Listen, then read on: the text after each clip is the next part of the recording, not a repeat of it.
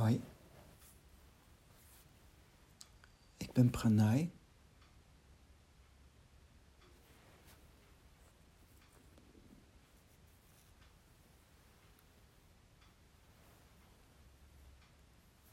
En ik wil het eens hebben over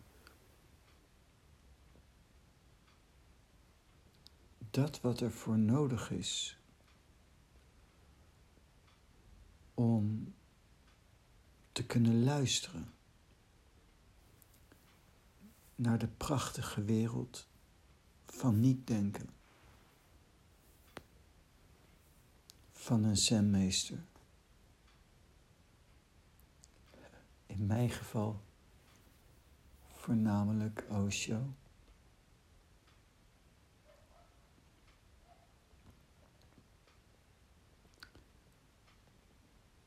Het is een kunst om te luisteren naar sowieso mensen, te luisteren naar elkaar.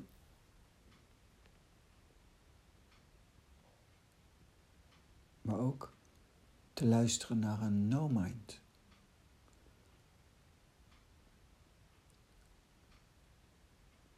En om dat luisteren efficiënter te laten zijn in de zin van je luistert en plotseling word je een stilte gewaar. De woorden van een no-mind hebben atoomkracht.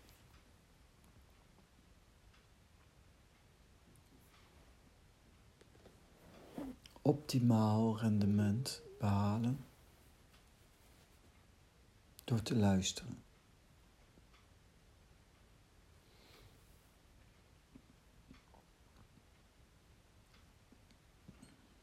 de juiste houding is er een van compassie. En dat wil ik uitleggen aan de, aan, aan de hand van een verhaal. Een kort verhaaltje. Je moet je voorstellen meneer A, die uh, loopt dagelijks een bepaalde weg. En meneer A is altijd heel vrolijk. Op, op zijn weg komt hij dagelijks uh, drie andere mensen tegen. En uh, om, om in de tijdsgeest te blijven. Ik zeg telkens meneer, maar er is altijd iemand in deze tijd uh, zich tekort gedaan voelen of dat ik discrimineer omdat ik meneer zeg. En dus om modern te zijn, iedereen mag voor zichzelf invullen, meneer of mevrouw of transgender of homo of lesbisch, uh, weet.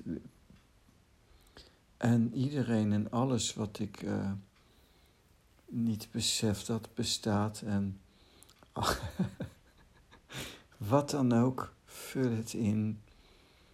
Uh, het is mij om het even, maar ik noem even zonder uh, te discrimineren meneer. meneer A.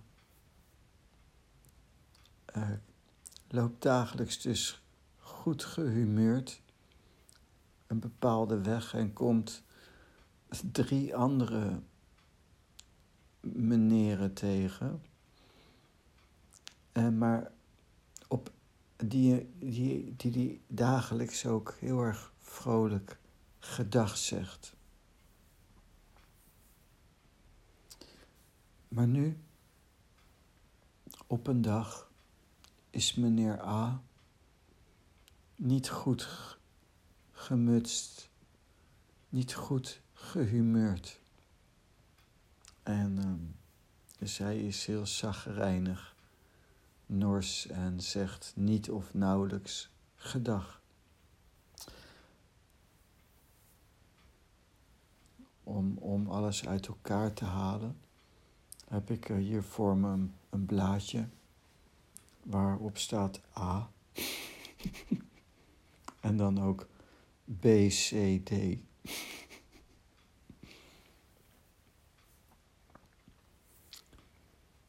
Um, dat komt omdat ik um, het verhaal er straks ook verteld heb aan uh, een paar mensen en ik raakte telkens in de war. Meneer B werd A en A werd B en, en dus ik heb het even opgeschreven. Meneer A komt dus opeens slecht gehumeurd langs meneer B. Meneer B, zijn reactie is doordat meneer A niet vrolijk gedag zegt. Zie je wel, hij, hij, hij moet me niet. Hij mag mij niet. Meneer B loopt gepikeerd verder. Meneer C komt ook meneer A tegen en reageert: Oké, dan niet. Die zal wel met het verkeerde been naar bed zijn gestapt. En dan komt uh, meneer A meneer D tegen. Meneer D, die zegt: Ik zal hem straks even bellen, want misschien is er wel iets heel ergs gebeurd met hem.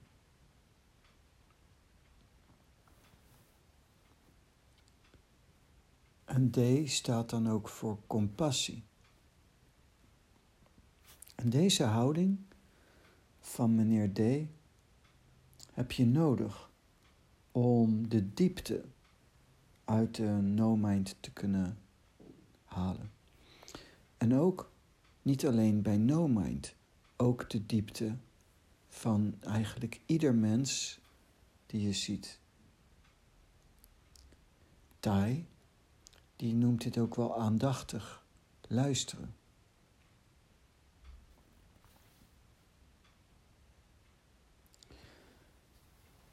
De reactie van meneer B, hij moet mij niet, komt voort uit een uh, niet in het reine zijn met zichzelf. Het zelfbeeld van meneer B is niet positief en trekt daardoor elke reactie van een ander op zichzelf en negatief. Op deze manier kun je eigenlijk nooit een ander zien of horen. Meneer C, die zegt oké, dan niet, is weliswaar niet negatief, maar zit in een soort isolement. Door zijn reactie, oké, dan niet, is hij in feite op een bepaalde manier daardoor in zijn houding afkerend. Hij sluit zich ook van nou dan niet. Hij voelt zich niet slecht, maar is wel geïsoleerd, komt dus niet in contact met meneer A, distancieert zich. Meneer D is wezenlijk geïnteresseerd. Hij heeft niet de reactie van meneer B, hij moet me niet, en ziet het niet als negatief. Sluit zich niet zoals meneer C doet. Maar bedenk dat er misschien wel eens iets heel ergs gebeurd kan zijn. Vraag zich dus af: wat is er aan de hand? En het is een heel mooie houding. Ook als je met mensen spreekt is een hele mooie houding. Ook als je aangevallen wordt in, in een conversatie, vaak tussen partners bijvoorbeeld, is vaak een vechten tussen wie heeft er gelijk. Maar de kunst is, als je uit conflict situatie wil komen, dat je los van jezelf eerst je begint af te vragen, waar zit de pijn? Wat is het probleem van die ander, los van mij? Ook al gaat het dan over jou, dat je dat even vergeet en dat je je afvraagt wat die pijn is, wat het verdriet is, wat het probleem is van die ander. Compassie. Misschien is er wel iets heel ergs gebeurd. Los van goed en slecht zit er iemand voor je die lijdt.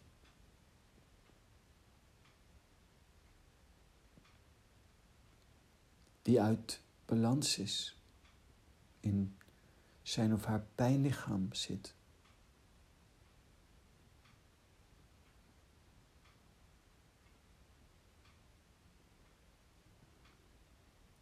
En de eerste houding moet zijn compassie.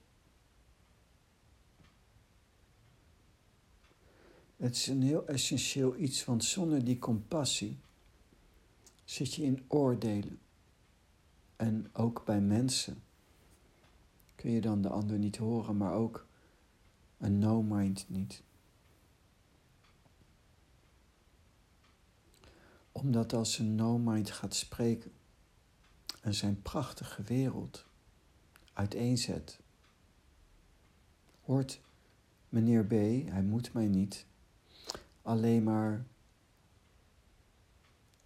ja, dat is mooi, zijn wereld. Maar mijn wereld is niet zo en raakt in teneur. Hij moet mij niet. Osho legt uit in het boek van niets dat de kloof tussen een mind en een no-mind heel groot is. En dus als je gaat luisteren naar de prachtige wereld van een no-mind,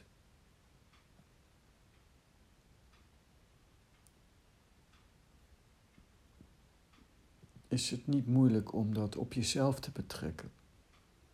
En dan te bedenken dat die kloof heel groot is en die is heel groot.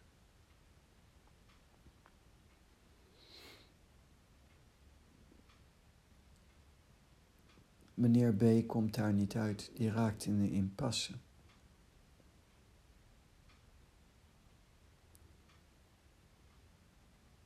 Meneer C zou zeggen, zal wel.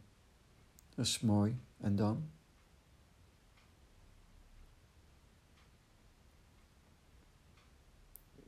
Wat heb ik daaraan? Zal zich distancieren.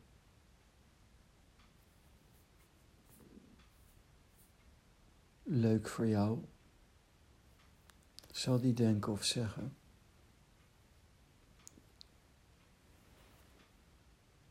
Meneer C. zal ook de uitleg van de woorden niet negatief beschouwen, maar extreem oppervlakkig.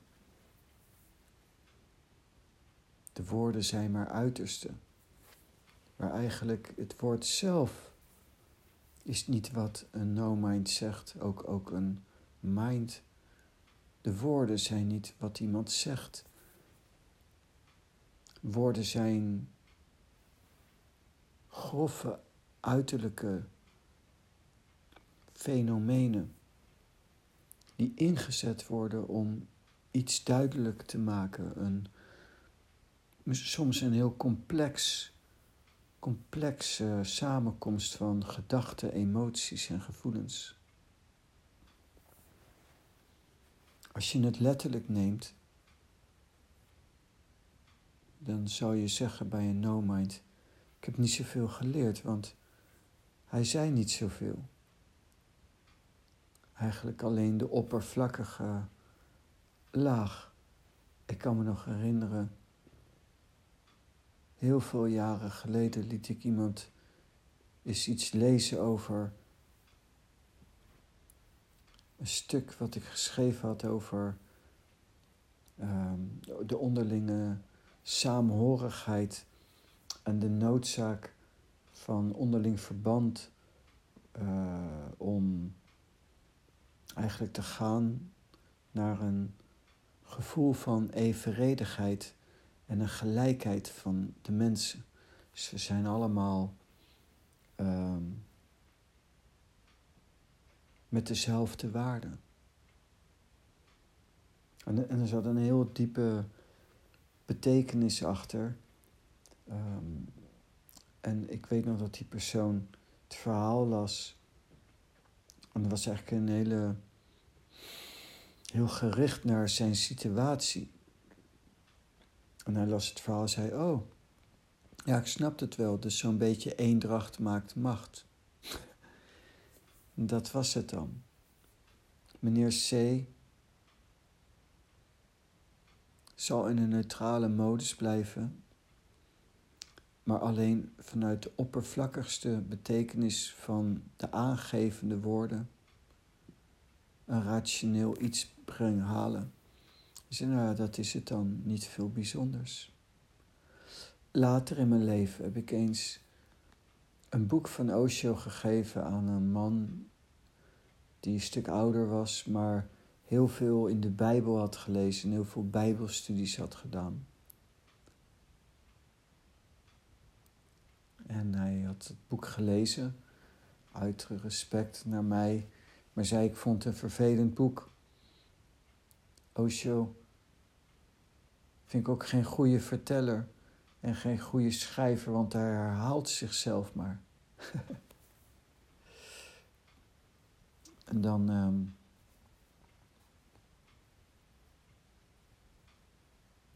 dan heb je dus een muur omgebouwd zo van een, in een isolement.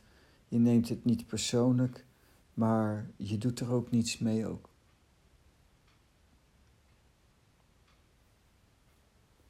Zijn vaak dominante mensen, autoritaire mensen die zo denken. En dan D, de houding die heel essentieel is Misschien is er wel iets heel ergs gebeurd. In een verhaal van No Mind. Misschien is er wel iets heel moois gebeurd met iemand. Die heeft het licht gezien, het geluk gevonden. Misschien zit er wel iets achter, achter die woorden een specifieke intentie.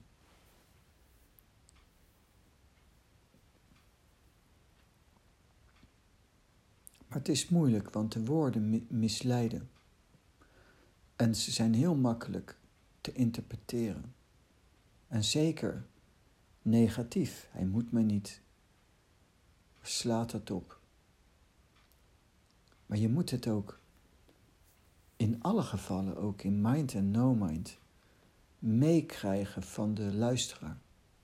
Je moet ook beseffen dat iemand iets probeert te zeggen. En dat dat wat hij zegt niet toereikend is. Je kunt dus niet iemand op zijn woorden beoordelen. Wat je tegenwoordig heel veel wel ziet. Van, ben jij voor Zwarte Piet? Hoef niks meer te horen. Als je ja zegt, ben je een fascist. Als je nee zegt, ben je goed. Ben je voor Black Lives Matters?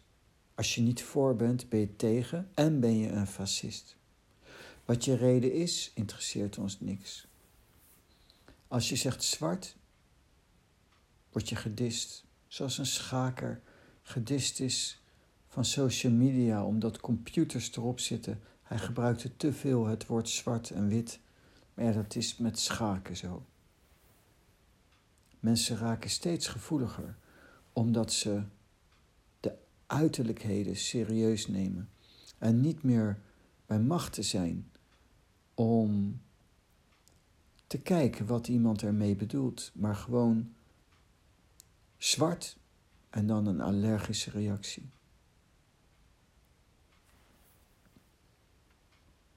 Zoals, zoals bijvoorbeeld Hans Theeuwis is aangevallen door een paar moslimvrouwen.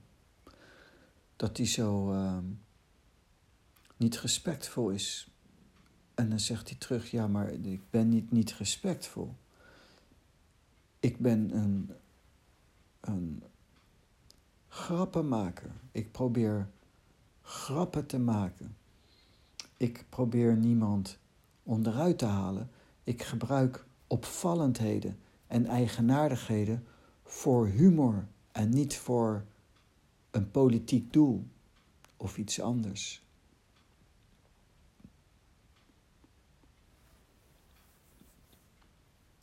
Deze vrouwen vielen me heel erg aan, maar naar ik heb begrepen, hebben ze daarna ook wel hun excuses aangeboden na het programma. En dat is netjes. En, en dan is het in mijn ogen ook oké, omdat ze, je mag het kwijtraken. We raken het allemaal eens kwijt. En, en dus in dit verhaal is misschien niet het beste verhaal. Want die vrouwen die beseften daarna van, ja, er zijn veel mensen die zijn tegen moslims, maar hij maakt er een grap over, maar hij is niet tegen moslims. Dat is belangrijk, essentieel verschil. De uiterste, die serieus genomen worden. Zo'n iemand, die blijft ook extreem oppervlakkig. Je zou iets dieper moeten kijken. Ik zou hem straks eens bellen. Je moet geïnteresseerd raken in. Maar wat is de boodschap?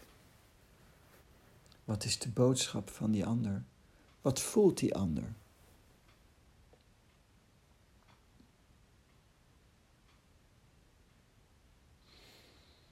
En alleen met compassie en met uh, niet op jezelf betrekken, um, het niet persoonlijk nemen, maar je afvragen wat is er aan de hand. Met zo'n houding kan je ook luisteren naar een Osho. Als je, als je daarin sterkt en groeit door aandachtig luisteren naar mensen te beoefenen, kan je op een gegeven moment in staat, in een staat komen, staat, in een staat geraken waarin je als een man van kennis en, en macht tegen je spreekt. En je probeert te genezen, je te helpen om uh, aan te duiden waar het fout gaat, waardoor je niet gelukkig bent of niet het diepe geluk gerealiseerd hebt. Om dat niet persoonlijk te nemen. maar te ervaren als een hulp, als een antwoord, als een mogelijkheid. Zonder te gaan vechten met jezelf of met een ander.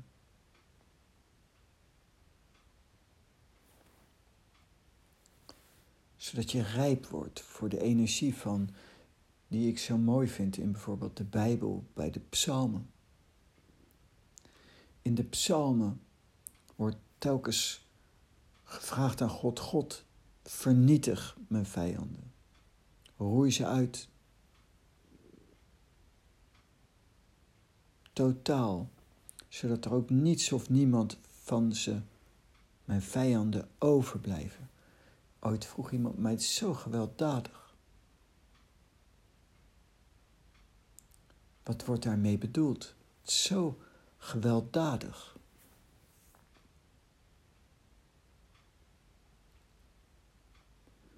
Maar als je op een gegeven moment bevrijd wilt raken van beperkte patronen, bevrijd wilt raken van de manier van denken en leven die je ongelukkig maakt.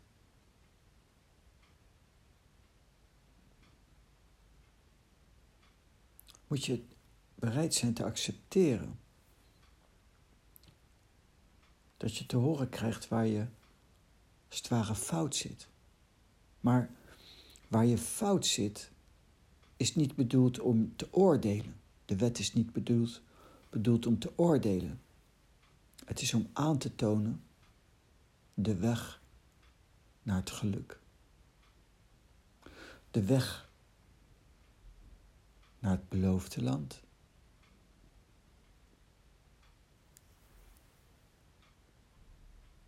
Het is heel moeilijk, want je krijgt een wet te horen. En die wet oordeelt voor meneer B. Maar het is niet een wet om te oordelen, maar om te bevrijden.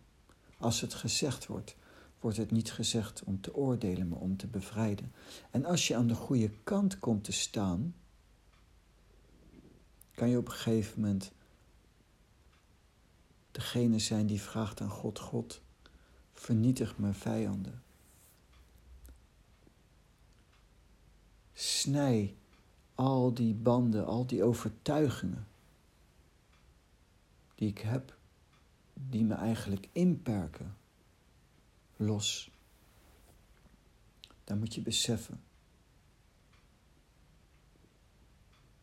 dat die wet alleen de beperkte banden breekt. De ketens die je gevangen houden, breekt. in wezenlijkheid eh, zijn die ketens van jou, dus zul je ervaren dat er tegen jou gezegd wordt dat er niks goeds aan je is. En vanuit de positieve kant word je bewust van de kloof tussen jou en een no-mind. En dat die no-mind zo'n prachtige wereld heeft, maar dat benadrukt ook de misère waarin jij zit.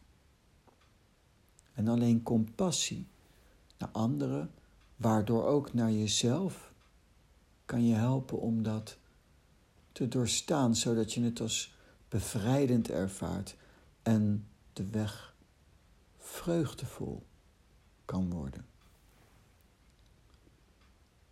Vreugdevol. Door compassie.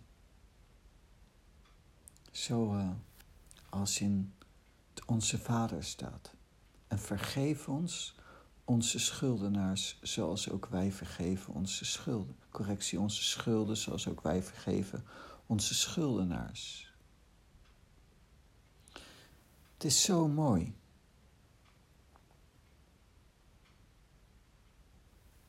Dat is de houding van meneer D. Ik zal hem straks even bellen, misschien is er wel iets ergs gebeurd.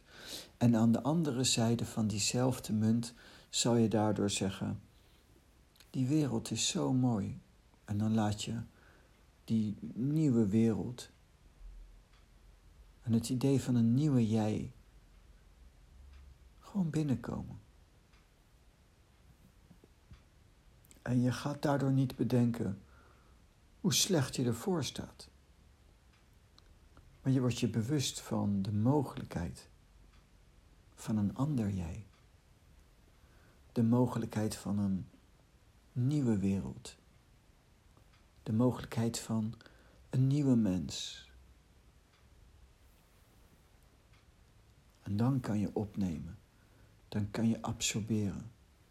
Je luistert en je neemt op en je voedt je en wordt vreugdevol. En steeds enthousiaster. En als je enthousiast wordt, krijg je een receptivity, een ontvankelijkheid. En neem je sterker op. En daardoor word je je steeds bewuster van diepere lagen. En dat is ook als je met iemand praat. Als je het niet op jezelf betrekt, maar beseft dat iemand anders met dezelfde woorden hele andere betekenis heeft, andere definities heeft,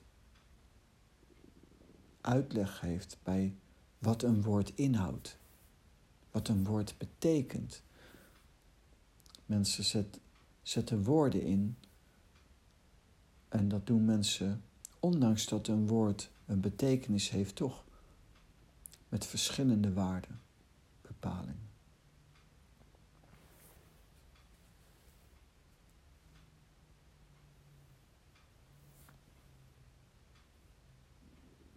De kunst van het luisteren. Luisteren en opnemen. Zonder interpretatie. Vindt dus plaats door compassie. En die heb je nodig ook voor jezelf, zoals ook voor anderen. En ook voor jezelf.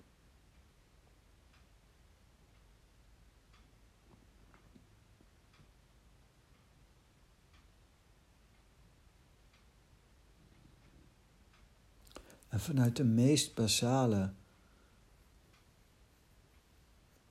kant bekeken,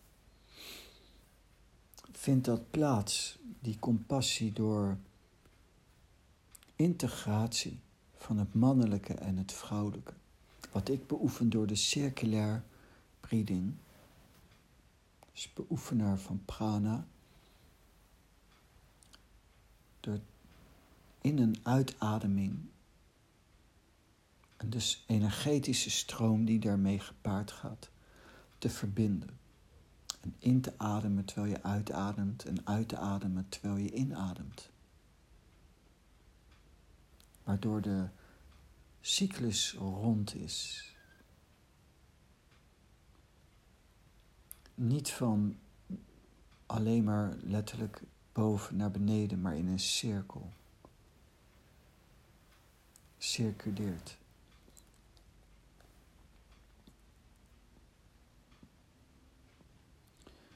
Als het mannelijke en vrouwelijke zich verenigen, verdwijnen ze in elkaar en dan word je een individu, een eenheid. En als je daadwerkelijk jezelf realiseert, is het geheim van Tantra dat daarmee automatisch het universele oppopt. Ze zijn één. Het individu, gerealiseerd, is gelijk aan het universele. Met de juiste houding en daadwerkelijke interesse hoor je de ander. En je luistert en je hoort. En als je dan herhaalt wat je hebt gehoord, zul je dikwijls bemerken dat de ander zegt: Hoe kon jij dat nou weten? Dat heb ik niet gezegd. Maar hij had het wel gezegd. Niet met zoveel woorden. Maar je luistert dan voorbij de woorden.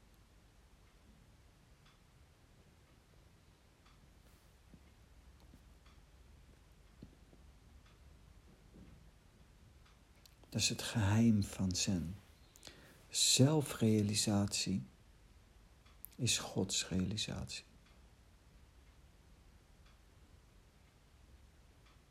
Is niet de zelfrealisatie van een narcist.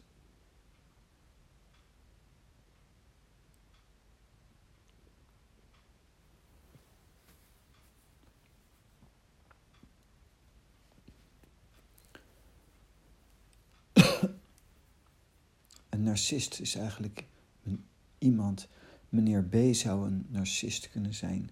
Hij moet mij niet. En als reactie daarop kun je hebben, maar ik hou wel van mezelf. En dan wel op een uh, vrij een, eenduidige manier.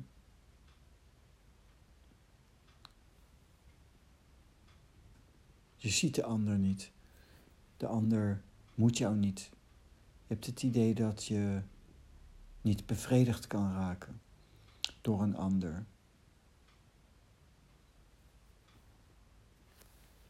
Compassie.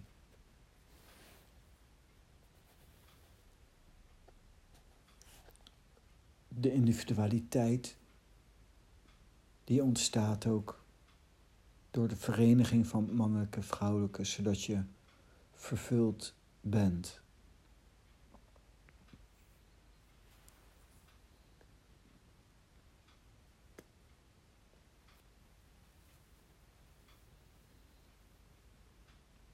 Nou ja.